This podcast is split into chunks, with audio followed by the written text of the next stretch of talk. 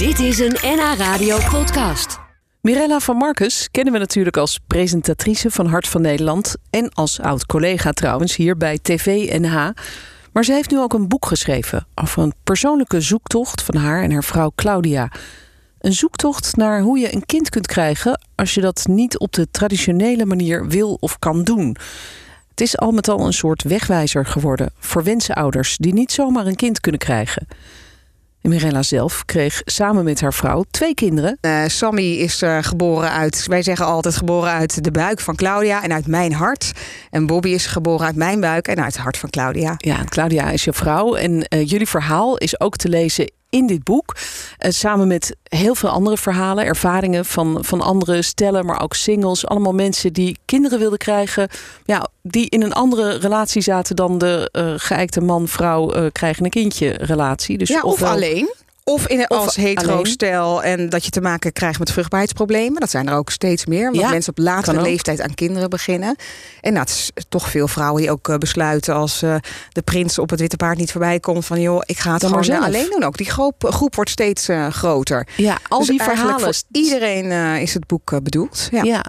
Was dit ook een beetje het boek dat, dat jullie zelf misschien hadden willen lezen? Ja, heel graag. In de tijd dat ja, jullie begonnen? Absoluut. Ja, ja dit, daar, zo is het idee voor het boek ook ontstaan. Omdat wij destijds zelf natuurlijk heel veel, of natuurlijk, ja, je, je moet zo bewust kiezen hoe je dan je kinderwens vorm gaat geven als het niet uh, vanzelfsprekend kan.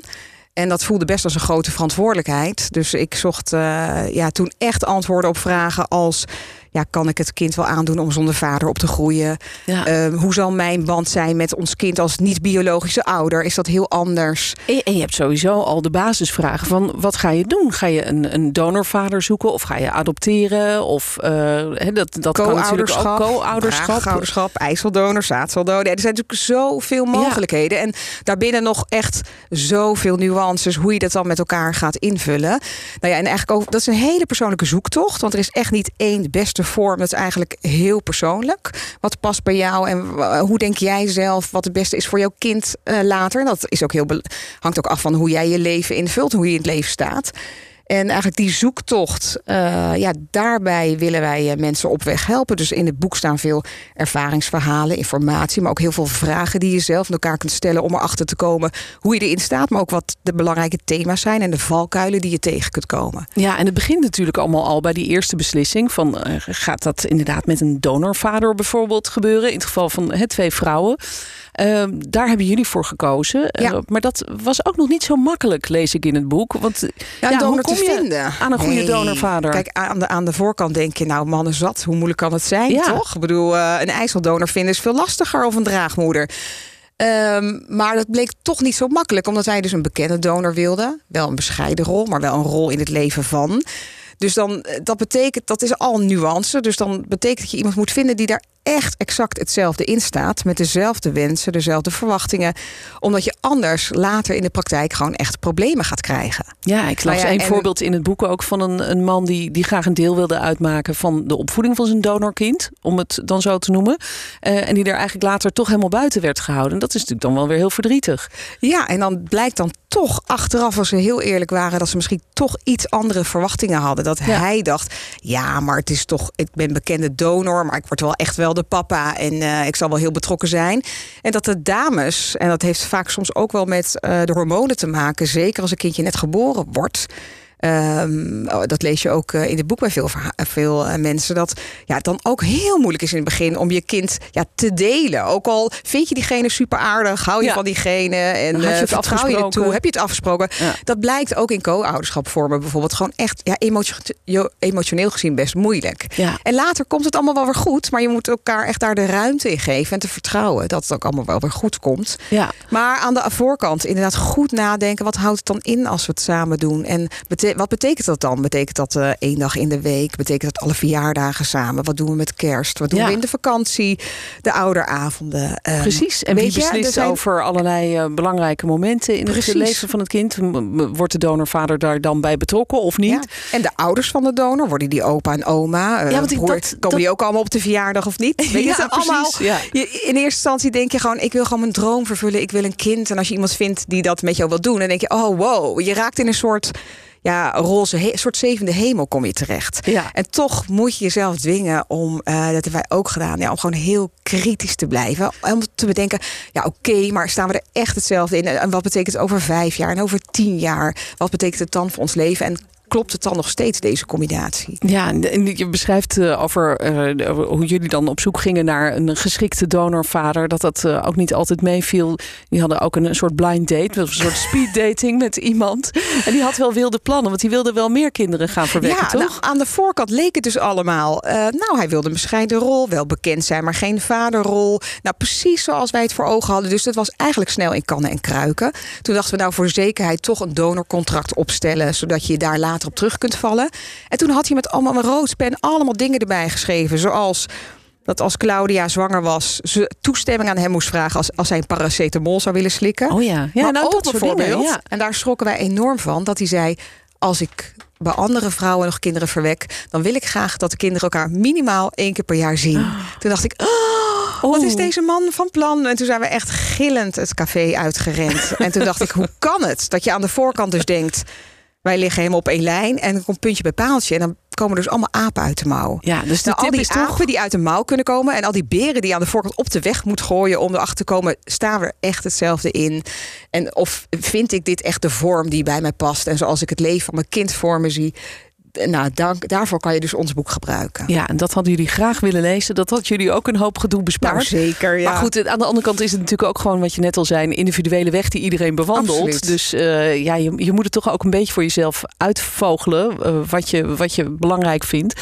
Maar een aantal praktische tips die, uh, die kun, kan iedereen goed gebruiken. Zoals bijvoorbeeld dit punt inderdaad van check even of je echt goed op, op één lijn zit met, ja, met de komen de wensen en de verwachtingen overeen, absoluut. Ja, goed. Straks praten we nog even verder over, over jouw boek en jullie verhaal ook. En uh, ik mag intussen een paar boeken gaan verloten. Dat is Oh, leuk voor leuk. uh, mensen die zitten te luisteren. Die denken, ik heb wel belangstelling voor dat boek. Misschien uh, ken jij iemand die daar met dezelfde situatie zit. Of zit je zelf in diezelfde situatie? Wil je aan een kindje beginnen misschien? En is dat niet vanzelfsprekend omdat je met twee mannen bent? Of met twee vrouwen? Of alleenstaand? Of, Of als hetero of als hetero stel die uh, met vruchtbaarheidsproblemen... Ja, als je zaad, geen goed zaad hebt. Of Ja. misschien door een operatie je eicel niet meer functioneert. Of geen Precies. hebt. Ja, er zijn allerlei momenten die er, of uh, die er kunnen zijn waardoor je niet op de traditionele manier uh, zomaar een kind kan krijgen. En dan is dit boek natuurlijk super handig.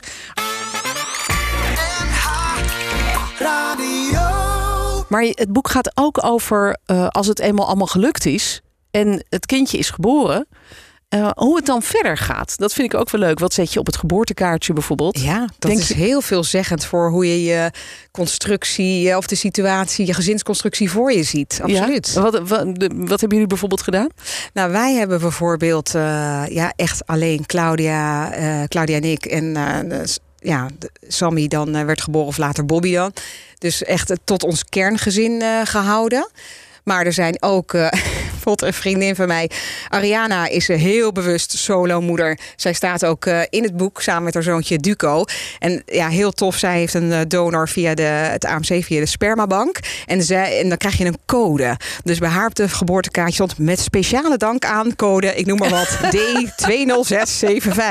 Oh, wat grappig. Nou ja, fantastisch. Ja. Ja. Maar heel leuk. Ja, nee, geboortekaartjes zijn zo veelzeggend. En dat is trouwens ook een goede aan de voorkant. Om je af te vragen, te visualiseren. Dus dat is natuurlijk ver vooruit. Maar toch, oké, is mijn geboortekaartje eruit zien? Hoe, wie staan daar dan op? Want het is inderdaad heel, ja, heel veelzeggend voor wat voor rol je iemand geeft. Ja, hoe de gezinsconstructie Ja, eruit gaat zien misschien. Ja. Ja, een belangrijk hoofdstuk in je boek gaat ook over hoe vertel je het eigenlijk aan je kind wat zijn of haar achtergrond is en hoe het allemaal zo gekomen is. Eh, dat lijkt me wel belangrijk inderdaad om dat op een, eh, op een goed moment te doen. Maar wanneer is dat goede moment? Ja, dat is een beetje van oudsher werd altijd geadviseerd. Zeker, toen waren het vooral hetero-stellen die naar een arts gingen, een fertiliteitsarts, om met behulp van donorzaad eh, zwanger te worden. Zeg het maar niet, dat maakt het nodeloos ingewikkeld. Jullie zijn gewoon de ouders. Kijk, als hetero-stel kom je daar wel mee weg. Ja, als lesbisch stel kom je er echt niet mee weg. Daar, je komt natuurlijk ergens uit een man vandaan. Dus dat kan niet. Maar dan nog, ehm, wat je gewoon nu ziet, is vaak de kinderen die eh, er problemen mee krijgen, zijn vaak de kinderen eh, aan wie het niet verteld is. Dus die pas op latere leeftijd erachter zijn gekomen: oké, mijn vader blijkt dus niet mijn echte vader te zijn. Mijn ouders hebben dus een tijd lang iets geheim voor mij gehouden. Ja. En als mijn vader niet is wie ik dacht dat hij was, wie ben ik dan? Dus ik krijg een soort identiteitsprobleem. Ja. En uh, daarom wordt, uh, ja, is eigenlijk de nieuwe filosofie. Vertel het echt vanaf, de begin, vanaf het begin. Wij hebben het gedaan vanaf dat uh, Sammy was drie en ik begon ineens de buurman papa te noemen. En ik dacht, hoe kan dat nou? Echt? Maar dat kwam omdat zijn buurjongetje zei natuurlijk, papa, kan je even dit? En Sammy dacht, oh, nou, dat deze is een papa. Dit uh, zo'n figuur heet dus papa. En toen dacht ik, oké, wij moeten even iets gaan uitleggen. maar in het boek. En, en, hoe ging dat dan? Een kind van drie, kon die een beetje begrijpen waar je het over had? Nou, weet je, in, in, wat, we ook, wat eigenlijk nu echt het advies is om het vooral echt uh, bewijs spreken al te doen als je zwanger bent of als het kind geboren is. En dan gewoon te beginnen in Jip en Janneke taal. Het gewoon te zeggen van oké, uh, nou wat ik tegen Sammy heb gezegd van. Nou, ik, jij, hebt een, je hebt twee mama's, maar twee mama's kunnen samen geen kinderen krijgen, want heb je ook een zaadje voor nodig. En mama's hebben alleen maar eitjes. En dus hebben wij uh, papa Hans gevraagd of, wij, of hij ons zou willen helpen met zijn zaadje. Nou, dat, dat wilde, hij, wilde hij. En dat, daar zijn wij enorm dankbaar, uh, hem enorm dankbaar voor dat hij dat heeft gedaan. Ja. En daardoor kon jij geboren worden. Dit is natuurlijk echt kindertaal. Ja, als ze heel jong zijn. Maar en dan wel kan je het logisch klinkt het dan. Ja, naarmate ze wat ouder worden. Kijk, nu ga ik daar natuurlijk al wat meer echt hoe dat dan gaat qua voorlichting. Hoe een, hoe een kind, hoe iemand zwanger wordt, pak ik er dan bij inmiddels. Nu ze zeven. Dus dat verhaal breid je eigenlijk steeds meer uit. Ja, en hoe gaat zij daarmee om? Of hoe gaan ze ermee om? Merk jij uh, in hun dagelijkse omgang met andere kinderen dat zij uh, daar makkelijk over praten? Of wordt daar wel eens over gepraat? Ja, heel veel. Ik denk te pas en te onpas. Als, uh, zeker als je kind naar de kleuterschool gaat, dan komen natuurlijk heel veel kindjes spelen. En ik kan wel zeggen dat bijna elk kindje wat bij ons kwam spelen, in ieder geval wel een keer zei van, hè? Maar uh, oké, okay, je hebt dus twee moeders, maar waar is je vader dan? Is ja. hij dan dood? en, uh, maar ben je dan niet... En dan zeiden we, nee, hij is niet dood. Hij woont in Diemen. Oh, maar ben je dan niet getrouwd met hem? Ik zeg, nee, want ik hou van Claudia. Dus Claudia en ik zijn getrouwd. Maar, en dan ga ik weer, dan zeg ik weer van... Maar ja, om een kindje te krijgen heb je dus een man en een vrouw nodig. Een zaadje en een eitje. Dus hebben we gevraagd of hij uh, ons een eitje wilde geven. En dat wilde hij. En daar zijn wij hem natuurlijk super dankbaar voor. Dus zo doende. Maar hij komt wel eens langs op verjaardagen met Sinterklaas. Ja. En ook kan ik hem dan een keer zien. Ik zeg, ja hoor, je kan hem ook wel een keer zien. Nou, en dan zo, zo gaan die gesprekken. Ja. Ja, maar ik denk ja. dat ja, het allerbelangrijkste is inderdaad vanaf het begin af aan vertellen. En het liefst inderdaad vanaf de geboorte. En dat klinkt natuurlijk een beetje ridicuul. Dat je denkt, oké, okay, ik ga boven een wieg hangen en ik ga het verhaal vertellen. Maar Ja. het is meer om je als ouder uh, nou, je vertrouwd te laten raken met Zelf dat ook. verhaal. En dat Ja. je er gewoon comfortabel... Want in het begin is het natuurlijk heel raar om dat te vertellen. Maar op een gegeven moment, als je het zo vaak doet... Nou, wordt het zo'n vanzelfsprekend verhaal. En daar gaat het om, die vanzelfsprekendheid... en dat vertrouwen waarmee je dat doet. Want dat is het gevoel Ja. wat je aan een kind overbrengt. Ja, dan zal dat kind dat ook zo overnemen. Ja, en, ook op die manier weer zelf gaan vertellen. Ja, en zo maak je ze dan toch weerbaar. Dit was een NH Radio podcast. Voor meer, ga naar nhradio.nl. Radio.